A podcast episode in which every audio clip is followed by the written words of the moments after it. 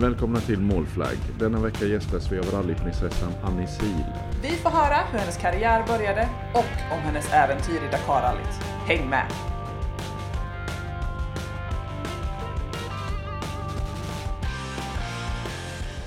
Välkommen till Målflagg Annie. Tack så mycket! Jättekul att få vara med. Eh, vi brukar börja med att fråga veckans gäst vad de sysslar med för sport. Men med dig kanske vi får eh, fråga hur det hela började istället. Ja, det är ju en väldigt lång resa för att nå målflagg, i alla fall min sport, eftersom jag kör eh, ökenrally eller långlopp offroad. Eh, så att det är ingenting jag tänkte på när jag började med min sport eller visste ens att det fanns på kartan. Men det började för 30 år sedan så att vi kommer ha lite att prata om. Ja. Det gillar vi. Men det började med roadracing på, ja, på asfalt helt enkelt, på bana. Ja, och det var ju inte för att det var ett medvetet val utan jag hamnade på motorcykelryggen för att jag höll på med galopphästar när jag var eh, yngre tonåring. Och eh, en dag när jag höll på att rida de här hästarna runt på banan så såg jag en kille som körde motorcykel på parkeringen vid eh, den stora läktaren. Och han hoppade över bilar och stegrade hojen och då tänkte jag så här, wow, vilken ball motorcykel, att den är ju som en, som en racinghäst. Ja. Eh, Sån skulle jag vilja prova, för jag hade ju bara tänkt Harley Davidson och så här vanliga motorcyklar, stora tunga. Eh, och då ville jag prova en sån. Och när jag fick eh, köra, eller åka bak på första gången med eh, min kusins kompisar, då kände jag bara wow vilken frihet, jag måste köra motorcykel. Och sen när jag tog körkort och så, då fick vi köra slalombana där på mm, körkortsutbildningen och då började fotpinnarna skrapa i och då sa instruktören att ska du inte köra på bana och racea? Och då tänkte jag ja, det är väl bra, det är ju ett bra sätt att få behålla körkortet. Så då började jag med roadracing. Att, eh, och för mig var inte det så konstigt. Jag hade ju ridit hästar på bana. Så att köra motorcykel på bana var ju, ja, det var ju helt logiskt helt enkelt. Det var bara andra hästkrafter helt enkelt. Ja, precis, precis. Men sen, eh, jag drog ju roadracing-karriären igång där lite. Det blev Ja. ju SM-körning och grejer. Ja, och det var ju inte heller inte jättefort för att, eh, ja nu måste jag, så här, det var inte jättefort för att jag måste ta körkort eh, och jag måste ha pengar till det här. Jag gick i skola fortfarande. Så då var det först att jobba extra efter skoltid och sen sommarlovet när jag gick ut skolan och sen där kunde jag börja spara pengar. Så jag, jag var ju 19 när jag började tävla på riktigt, även om jag började och köra och träna och så. Så att, eh, jag hade ju inga grejer. Jag hade ingen, ingen racebuss, jag hade inte all utrustning. Min pappa som jag hade tänkt skulle hjälpa mig, han fick en infarkt när jag var 16 år och dog. Så att jag stod där ensam med allting. Eh, Så ja, det var ju det var ju några år kämpande innan ens jag kom upp på startlinjen kan man säga. Eh, och då ska vi ju veta också att jag bor i Täby som är precis utanför Stockholm. Och min närmaste bana det var ju Linköping eh, som var 20 mil bort. Och eh, det var inte att man åkte dit varje vecka och kunde träna och så. Och då måste jag ha en skåpbil eller släpvagn och ja. Så det var väldigt mycket pyssel innan jag ens kunde få köra ett varv på banan. Ja, så att ja, det, det, var, ju- det var ingenting som var serverat. Men hur kommer det sig att du inte gav upp? Liksom? 20 mil till närmsta hemmabana. Du fick lära dig meka allting från grunden själv med på något sätt antar jag. Ja, det var det. Jag ärvde min pappas verktygslåda och eh, då var det bara att börja mecka helt enkelt. Och tack och lov har jag hängt med honom i garaget när jag var mindre så att jag var inte helt tappad. Eh, men eh, ja, det var, det var mycket. Om man tänker så här, i dagens mått mätt så tänker man ju att det var nästan omöjligt. Men jag kände på den tiden med hästar och allting, där lärde man sig för att få rida det där varvet på galoppbanan, då var det väldigt mycket förberedelser. Så jag tyckte inte det var så omöjligt ändå. Eh, och sen är jag väldigt självständig, så jag var van att klara mig själv. Att, eh, jag behövde inte ha med mig min mamma eller pappa eller någon annan utan jag åkte iväg själv på tävlingarna och fixade. Ibland hängde någon kompis med och sådär men jag litade inte på att jag alltid skulle ha en infrastruktur runt mig utan jag körde själv. Sen fick jag låna en släpvagn första gången jag skulle på tävling. Sen fick jag låna en skåpbil och sen fick jag faktiskt spons på en skåpbil ett år senare. Så fick jag låna en skåpbil hela säsongen och sådär. Så att eh, Nej, jag helt enkelt fixade alla grejer som behövde fixas. Så. Och, till, och så kom jag till start och sen eh, började det gå ganska bra fast det gick dåligt också. Väldigt dåligt många gånger. så det var ingen sån här eh, framgångssaga liksom att uh, allt bara flöt på utan jag kraschade och det gick sönder. Jag hade ja, hände ju saker med hojen och, och sådär. Så att ehm, ja, det var budgetracing från början. Det var det. Vad, vad var det för klass du började med att köra i roadracingen där?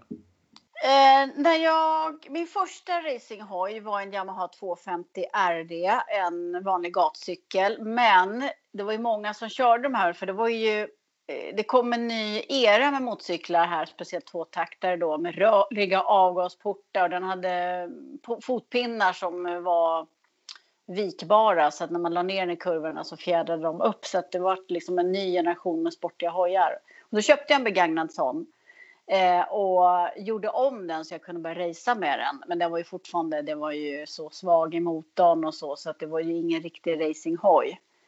Men eh, 250 började med och sen ganska strax efter köpte jag en Yamaha RD 350. Och då fanns det en enhetsklass för den, eh, 350 Cup. Och det var väldigt många som körde. Det var som ett getingbo med, eh, med förare och hojar. Och där var det ju, då var man ju, för det var en enhetsklass, så då var man ju konkurrenskraftig. Eh, men jag hade inte råd att köpa nya däck till varje tävling så jag gick ju och tiggde ihop däck bland eh, toppfararna som hade kört, kört slut på sina då och bytte oftare. Så då kunde jag få med mig fem däck efter en helg. Så hade jag så jag kunde eh, tävla på dem själv sen. Så att, eh, ja, så gick det. Det var verkligen. Jag kommer ihåg mitt första skinnställ lånade jag också av en av de bättre förarna.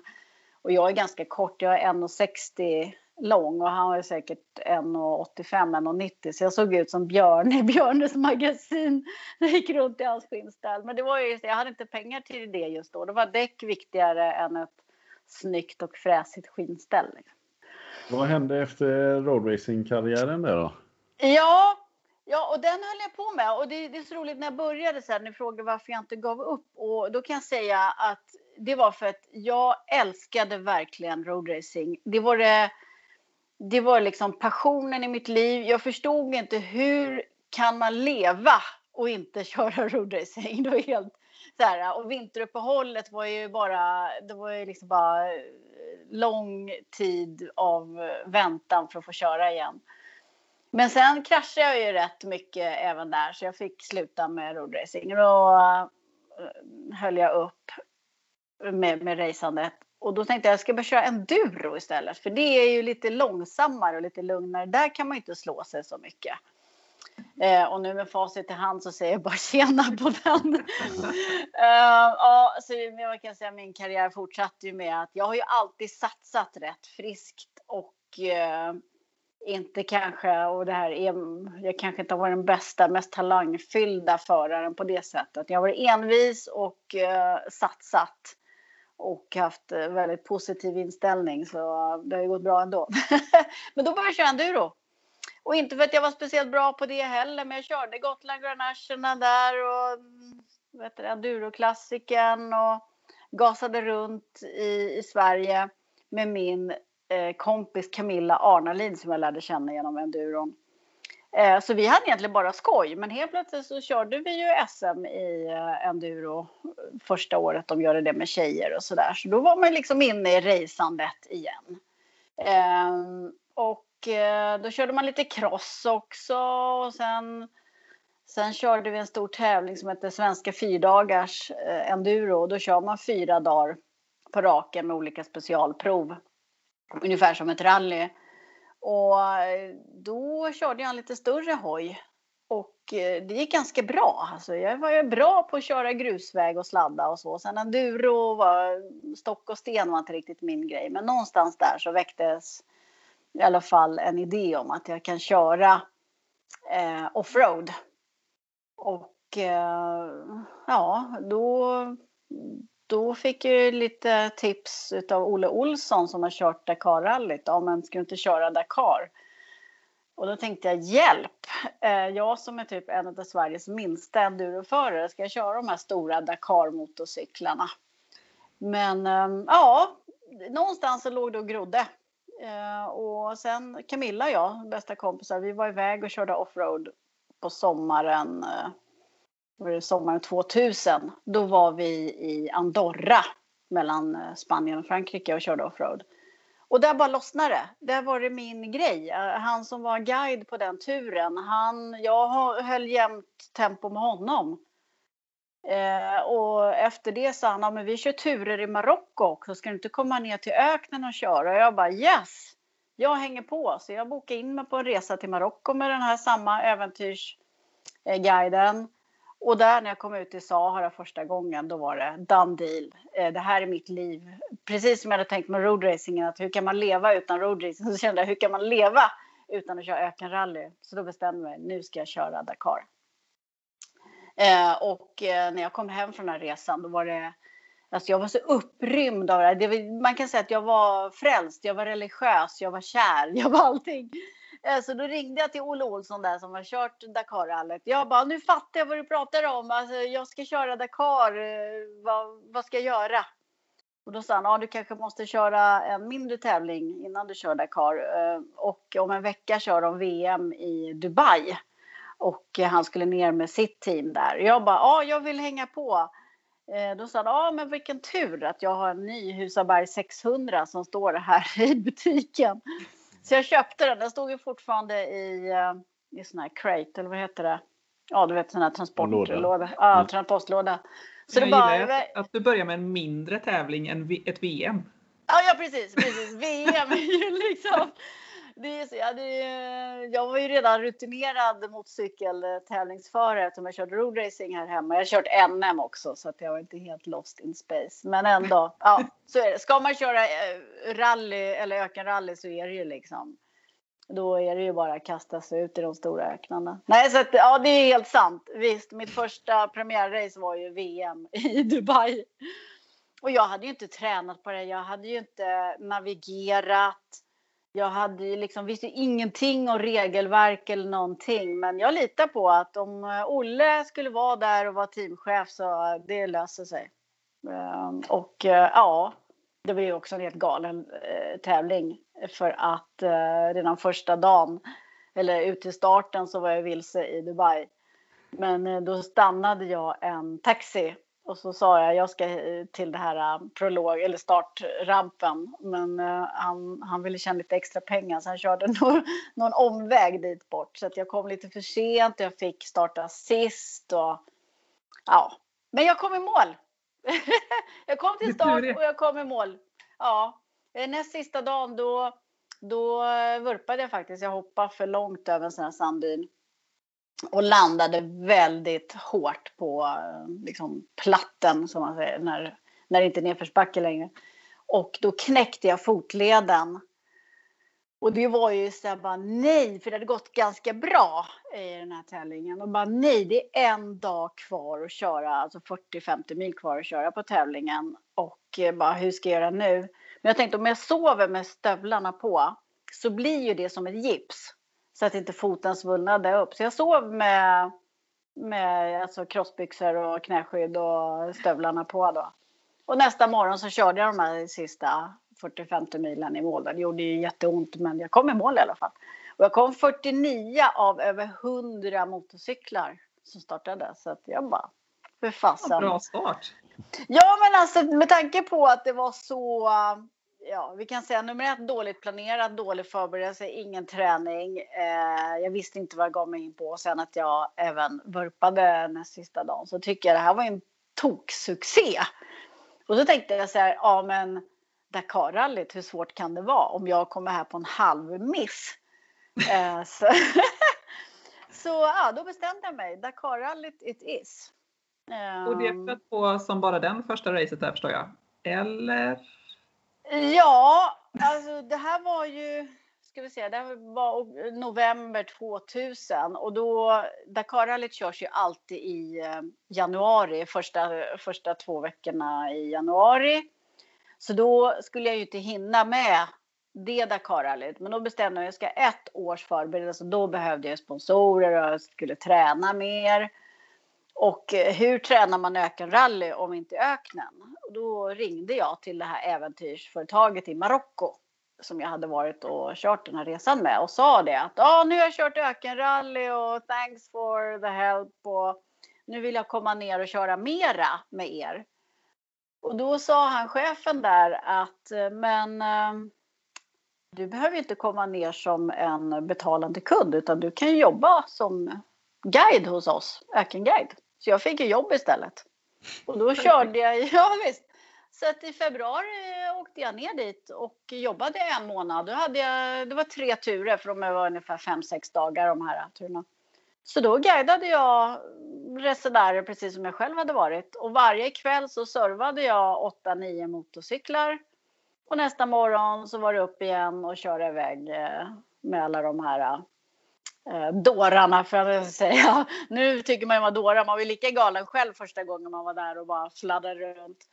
Eh, och det var så roligt, eh, chefen där, John, han sa det, det är helt galet. För man sitter där och ser eh, på högsta sanddynen och ser de här eh, resenärerna, precis som jag själv hade varit.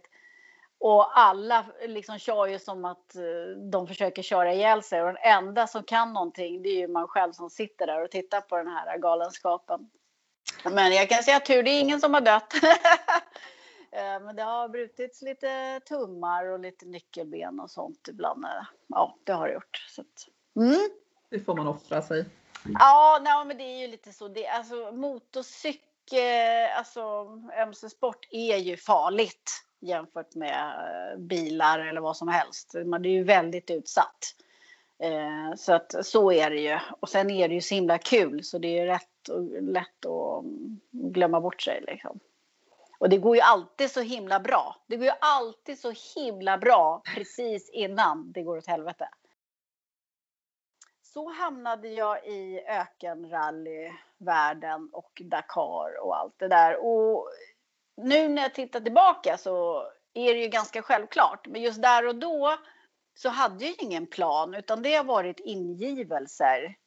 Och eh, väldigt mycket då, alltså det har ju varit snabba vändningar jag är ju inte den som väntar och väntar på att alla stjärnorna ska stämma, horoskopet och mamma ska tycka det är en fantastisk idé. Utan hon, hon har ju liksom bara fått inse faktum. Jaha, okej, ja men då ska du åka Dakarrallyt då. Eh, lite så.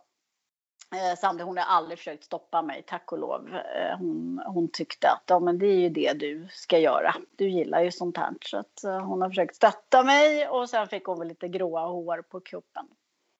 Eh, mm, så, så var det. Men det var, det var hur jag hamnade i ökenrally då. Det ja, hur, hur var det där när du väl är nere och ska köra ditt första Dakar-rally? Ja. Natten och, före, kan man sova då? Ja, och då kan jag säga att eh, det här Dakarrallyt, mitt första Dakarrally, det, det är lite så här, ibland är det bra att inte riktigt veta vad man eh, ger sig in på. För jag hade ju någon vision om det där att ja, det var ju som Dubai fast dubbelt så långt. Liksom, hur svårt ska det vara?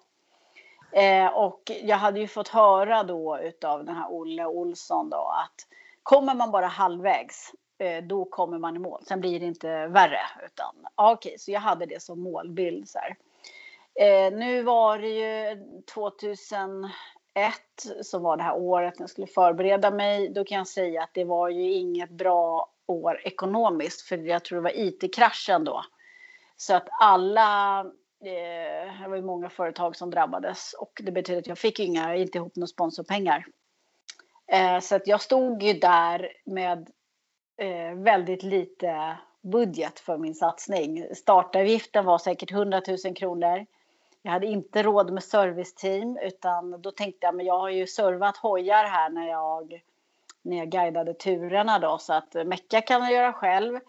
Och eh, motorcykeln fick jag låna från det här äventyrsföretaget. Eh, så en Honda 400 och då köpte jag begagnad rallyutrustning till den med stor bensintack och navigationsutrustning. Och så fick jag kontakt med ett franskt team som skulle hjälpa mig vid anmälan då när jag kom ner för det, man skulle ju starta i Paris då och komma ner i mellandagarna. Så han skulle möta upp och eh, min motorcykel stod i, i, i, deras verkstad där då så att jag fick lite hjälp på plats då. Men eh, när jag kom ner där eh, i, ja starten gick 28 december. Man visste inte vad man, alltså vad, hur, jag hade inte sett det här på tv. Jag hade ingenting, jag hade bara hört att ja, det är jättestort. Det är flera hundra motorcyklar, det är flera hundra bilar, det är lastbilar och så. Men sen komma till det här och se magnituden av tävlingen. Eh, Dubai var ju en barnlek, alltså det var verkligen eh, korpen jämfört med mot Dakarrallyt. Eh, bara det, den här startproceduren när vi skulle köra upp på en stor scen Eh, och hela torget var fullt av publik. Det var som en rockkonsert. Och eh, det var stråk, det var speakers, det var på kvällen så var strålkastare, det var vet du, mm, fyrverkerier. Ah, det, var, det var helt galet. Och så kände man, här är jag liksom. Och ska göra det här. Och ah, man var hjälte. Alla ville ha autografer och dunken i ryggen. Och, eh, det, det, liksom man har ju, aldrig har jag ju liksom varit med om något så här stort evenemang. Så det var ju bara en chock det. Sen var ju vädret piss. Det snöade och slaska och de här första milarna genom Frankrike var ju bara ett helvete. Det var inte alls det här ökenrally utan det var bara blött och kallt. Jag frös, jag frös liksom genom hela Frankrike och hela Spanien för det var så pissigt väder då. Eh, men jag hade ändå målet, snart kommer vi till Afrika, snart kommer vi till Marocko och då börjar det här ökenrally. Liksom, man har ju en vision om att köra i sol och sand och, och sådär. Och så kom jag, eh, tog vi färjan från, från Spanien över till Marocko och bara nu börjar ökenrallyt. Och så fortsatte det ju regnet. Det var ju lika vidrigt där nere. Så att ja, eh, fy fasen. Det, det var mycket bita ihop redan där. Fast inte ens ökenrallyt hade börjat. Och så var jag ju själv då. Ehm, och så började jag med att köra omkull första sträckan i Marocko. Och, och, då är det för att det har regnat och det var en stor sån här, jag vet inte om ni vet, röd lera, men det är snorhalt. Så sladdade omkull i det där eh, och slog med gul och blå Eh, och stukade till högerhanden också. Men det var bara att fortsätta. Så jag körde klart sträckan och kom i mål. Och då Dakar-organisation, eller Dakarrallyt är ju uppdelat. Vi ska köra tusen mil. Tusen mil är ett kvarts varv runt jorden. Men sträckorna är ju uppdelade att varje dag så ska du nå x antal mil. Säg 70, 80, 90, 100 mil. Och vid målet på den sträckan, eller den etappen, då har organisationen byggt upp ett läger, lägerplats. Så att de har mattält, eh, de har eh, bajamajor, de har serviceplats där man kan ställa upp eh, sitt fordon. De har läkartält och, och sådär. Men eh, det här tältplatsen, det är ju inte så att tältet är upppackat uppställt utan du får hämta ut en plåtlåda där du har dina grejer. Så alla som, som tävlar har sin egen låda med grejer. Och där ska du ha luftfilter och verktyg och, och sådär. Så att, eh, det är ju inte, det är camping eh, som är väldigt, väldigt basic. Eh, så då kom jag mål och var ganska mör efter dagens bravader plus vurpa. Och så gick jag bort till eh, läkartältet för jag tänkte då får de kolla på den här stukade handen och, och, eftersom jag vurpa. Och eh, då drog de i fingrarna. Då hörde jag så här bara klick, klick, klick, klick. Och då kände jag så här, men det är ett finger som har gått av. Eh, och det var högerhanden, lillfingret. I och för sig det kan man tycka, det kan man ha eller mista. Men, men det gjorde ont för det var precis uppe vid handleden. Och sen hade jag dratta på ändan så när jag drog ner crossbrallorna då hade jag tre skinkor. Alltså en, två och sen tredje som stack ut på vänster lår. Och då hade jag fått en jättestor blödning. Så det blev eh, ja, en lårkaka som var som halva Afrika nästan. Nej. Eh, och då sa läkarna, och det här var inte bra, en stor blödning och det kan bli komplikationer om inte vi kan stoppa blödningen. Så sa jag, men det är lugnt, jag sover på en ispåse i natt och imorgon så kommer det vara bra. Så där. Och alltså, när jag kom tillbaka till tältet från läkarundersökningen, då bara satte jag mig ner och började grina. Och bara, det är så jäkla orättvist. Alltså att redan nu, precis i början på tävlingen, att jag har kraschat och redan slagit mig så. Jag har brutit höger eh, mellan, hans, eller mellan hans ben i högerhanden och sen rumpan här. Men det går inte, du kan inte sitta, du kan inte stå, du kan inte ligga. Det var så orättvist. Eh, jag skulle ju, det skulle ju gå så bra. Det skulle ju liksom inte vara Nemas problemas jämfört med Dakar eller med Dubai. Jag skulle liksom bara köra och och liksom glida in i mål. Och så nu var det redan ett helvete. För det är svårt att komma i mål även om man inte är skadad om man säger så. Men nästa morgon så bet jag ihop och eh, kom ut till start. Jag kunde knappt hålla i, i gashandtaget så jag tänkte eh, jag tejpade först handleden men då fick jag blodstopp i fingrarna så då tänkte jag jag tejpar gashandtaget istället. Eh, så att den håller då ja, full gas, det var ju race.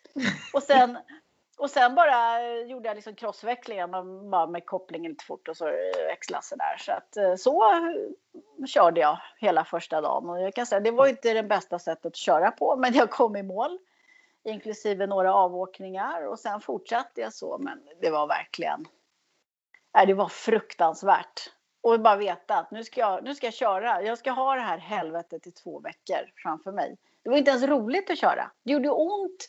Eh, man körde inget bra. Det var ju jättesvårt att fokusera på navigationen när man hela tiden var rädd för att man skulle åka av i nästa sväng för att man eh, inte kunde gasa liksom, eller slå på gasen. Uh, och sen kom, äh, jag är faktiskt, och det är helt otroligt, jag är inte sist ens en gång. det finns, finns många som var sämre än jag till och med. Men äh, jag kämpar på. Och halvvägs in i tävlingen så jag, fort, jag är fortfarande med och då kommer jag ihåg vad Olle sa. Kommer du bara halvvägs så kommer det inte bli värre. Du kommer klara det. Och då tänkte jag bara yes! Så jag hade ju det som lite målsnöre. Eh, och eh, då var det halvvägs och då skulle man göra service också på hojen och byta olja och sådär. Alltså det fick jag faktiskt hjälp med för jag hade ju så högerhanden var trasig. Men eh, Sen skulle vi ju åka ja, resten av tävlingen och det blev värre. Alltså de här sträckorna som var efter, ja, vi passerat hälften. De var helt galna. De tog aldrig slut. Så jag var ute och körde. Normalt sett kanske man kom in 5, 6, 7 på kvällen och då är det ju becksvart i, i, i Sahara. Och det är, alltså, det är verkligen becksvart när solen går ner. Men du vet, nu var jag ute och, och körde. Jag kom in två, tre på natten och sen ska man upp klockan fem på morgonen för vi startar ju först motorcyklarna. Så det tog liksom aldrig slut och jag hann aldrig sova riktigt. Jag hann inte äta, jag hann inte duscha och du kan säga en marockansk eller afrikansk dusch. Det är ju inte som vi tänker en dusch utan det är en pressändning som du står och, och gömmer dig bakom och en hink vatten liksom. Så jag sket i det för jag orkar inte det heller. Äh, det, var, det var ett töcken de här dygnen och sen pajar kopplingen på hojen så den brinner upp. Och då står jag där i Mauritanien tror jag det var. Eh, kopplingen har brunnit, jag kommer inte en meter till. Och då känner jag bara, fy fan vad skönt alltså, slippa köra. Det, var inte, det är hojen som har gått sönder, det är inte jag som har gett upp. Så jag bara inser, okej, okay, nu är racet över för mig. Eh, kommer inte ihåg om det var dag 10 eller 12 så att det var liksom, det kanske var två, tre dagar kvar på racet. Eh, jävligt synd, men jag gjorde mitt bästa. Liksom jag började acceptera faktum. Eh, och då väntar man på att organisationen ska hämta upp en. De kommer med en stor lastbil och plockar upp alla kadaver där ute. Eh, men eh, innan det hinner hända, så det är eftermiddag, sen eftermiddag, då hör jag en annan motorcykel som kommer åkande, någon av de här eftersläntrarna. Och eh, den får ju syn på mig. Och då är det så, då åker man alltid kolla liksom, om det är någon som behöver hjälp. Och så kommer han bara Bonjour, ça va? What's your problem? Oh, ja, ja, it's, uh, my clutch is broken, it's burned. Liksom. Ja, han bara, oh, but I have extra kopplingslamell. Eh, och jag bara, yes, okej, okay. oh, you can have mine. Så här. Sen ger mig en kopplingsanmälan och han kör en likadan motorcykel som jag också. Så här helt, eh, då börjar jag inse så här, okej, okay, jag, eh, vi pratar om att bli religiös nu. Jag tror på änglar. De kan komma åkande i Sahara med precis rätt reservdel. Jag menar hur stor sannolikhet är det? Eh, och då tänkte jag så här, ah, då måste jag fixa hojen. Så jag rev kopplingen, stoppade i den här extra kopplingslamellen. Och det funkade. Jag fick drivning på hojen och då kände jag så här, fan nu måste jag köra också. liksom helvetet är inte slut ännu. Men om någon har skickat, om det finns en gud, han har skickat en ängel med reservdelar ut i öknen i Sahara, då måste jag köra. Så är det. Så det var bara att åka igen. Och då hade jag tappat så mycket tid och det skulle bli mörkt och så, så att eh, jag bara kastar mig iväg där och försöker köra så mycket det bara går innan natten kommer då. Eh, men det blir ju mörkt och jag vinglar runt där bland sanddyner och det är ja, jag tippar omkull och det är jättesvårt att köra. Och sen börjar det blåsa ihop till, eller upp till sandstorm. Och då inser jag att det går inte att köra. Att jag får parkera hojen och så rullar jag in med, vi har så här räddnings silverfilt, rullar mig in i den och tänkte jag får ligga här och vänta några timmar tills sandstormen har blåsit över och sen får jag fortsätta. Och eh, jag ligger där och, och fryser bredvid hojen för det blir kallt på natten i Sahara i januari. Eh, och bara, vad fan gör jag här? Alltså, kunde det inte bara vara lite, lite lätt någon gång på den här jävla tävlingen? Nu när jag ändå liksom fick en andra chans. Då tänkte jag, då kan du lika gärna skita i det. Liksom kom inte med kopplingslameller då och lura mig att fortsätta. Ja, i alla fall. Eh, sen vid två, tre rycket, ja då övergår ju den här eh, sandstormen till regnstorm. Sen helt plötsligt börjar det regna och då ligger jag alltså i en pöl i Sahara. Och bli blöt, för jag har ju inte regnkläder med mig. Det är inte det jag packar med mig när jag ska åka ökenrally. Och då tänker jag så här, det här är verkligen, det här händer inte. Eh, och så känner man sig minst och ensammast. Man känner sig som ett litet, litet sandkorn i det här helt oändliga Sara, och blöt och kall. Och jag vill verkligen, jag vill verkligen inte göra det här. Men vad ska jag ta vägen? Det är ju liksom, det är bara att överleva. Så att sen på morgonkvisten när första lilla strimman ljus i horisonten så kravlar jag mig upp och jag är blöt och kall och, och så. Men eh, kickar igång hojen och fortsätter. Och när jag kommer över så här nästa stora sanddyn då ser jag liksom att det blir så här, ja, man, man ser horisonten. Då ser jag massa små lägereldar. Då tänkte jag ta sikte på en sån där och så kommer dit och då ligger det ju andra stackare motorcyklar och bilar som har stannat över natten i den här sandstormen.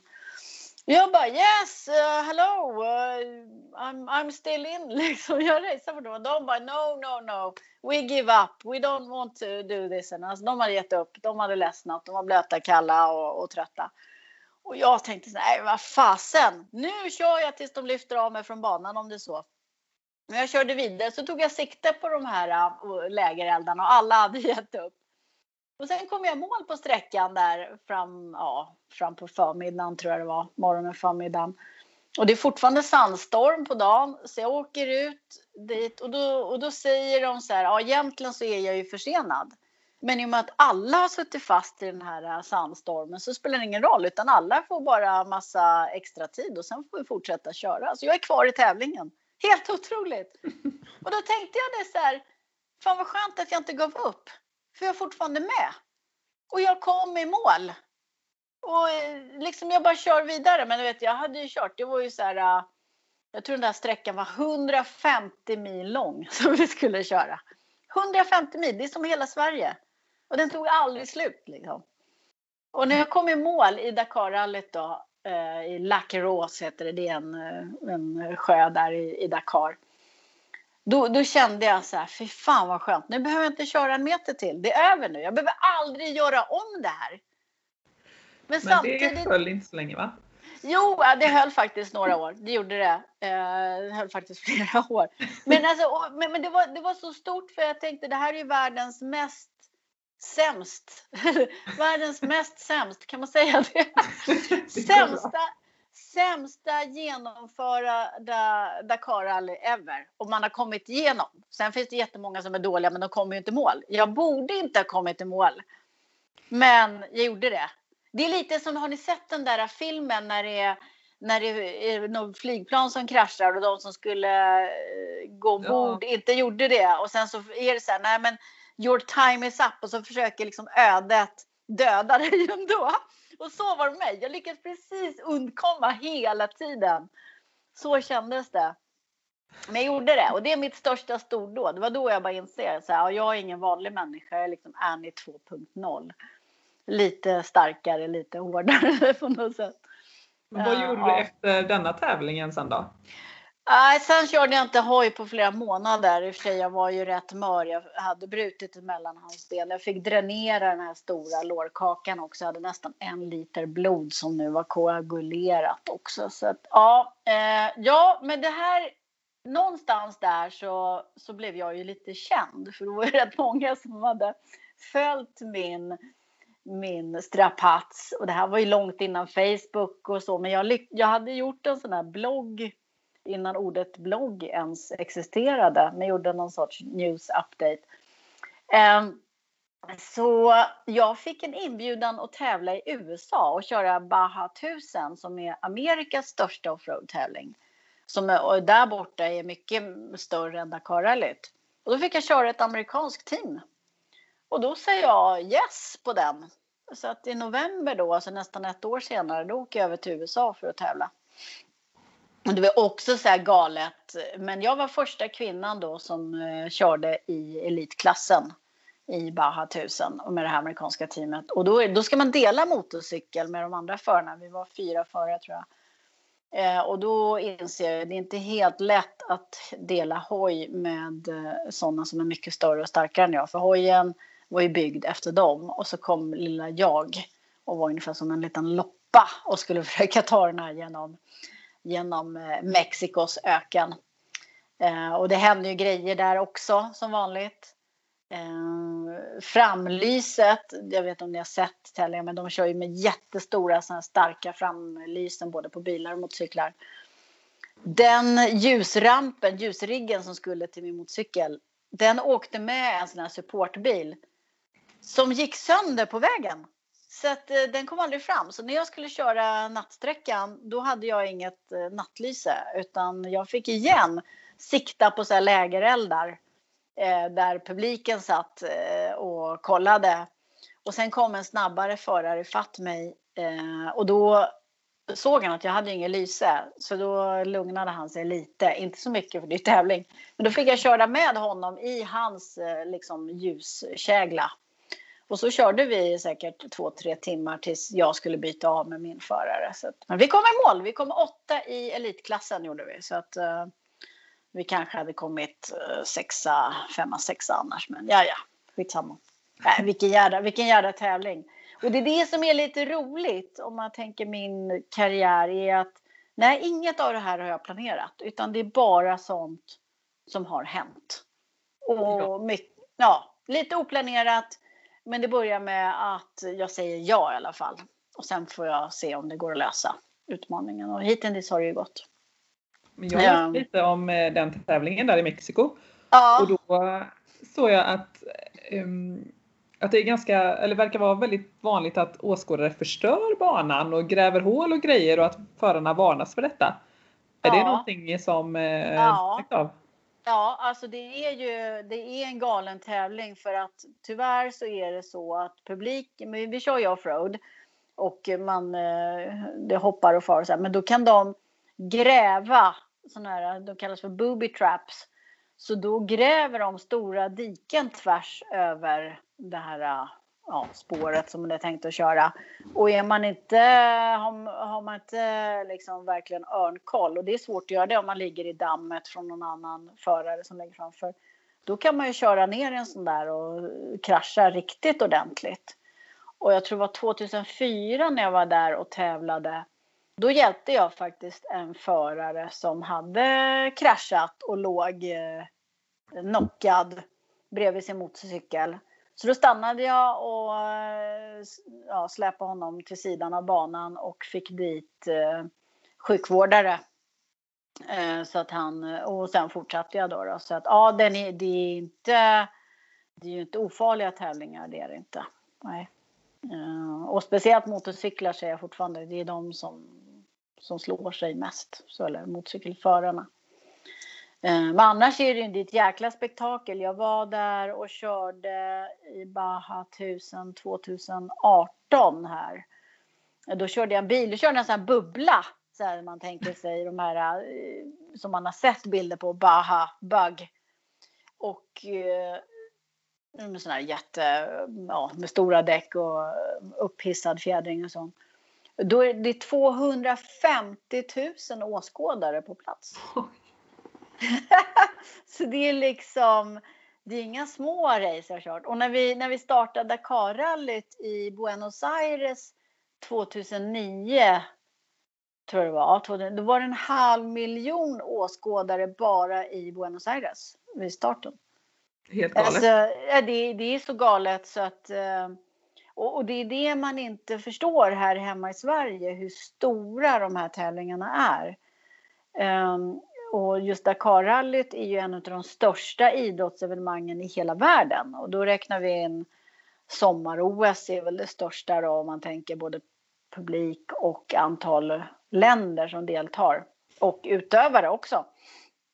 Mm, och så har vi fotbolls-VM är också stort och så är det väl vinter-OS och så Formel 1 är ju stort med publik, inte så många deltagare kanske. Men, men Um, vi tycker ju hockey-VM är stort, det är ju bara larvigt jämförelsevis. Dakarrallyt, när det var som störst, tror jag var över 500 deltagare i motorcykel och bil och lastbil.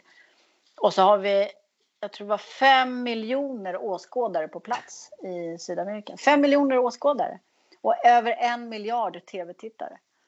Och sen det... måste det vara ganska mycket folk eh, runt omkring som eh, ja, ja med motorcyklarna, bygger upp och ner tälten, mat ja, och alltihopa. Precis, så om man tänker sig att det är 500 tävlande ekipage och då är det motorcykel, då är det en förare, bil är det två och i lastbilarna är det tre. Sen är det serviceteam och, och, och supportbilar och sånt. Så jag tror den här cirkusen är 2 500-3 tusen människor.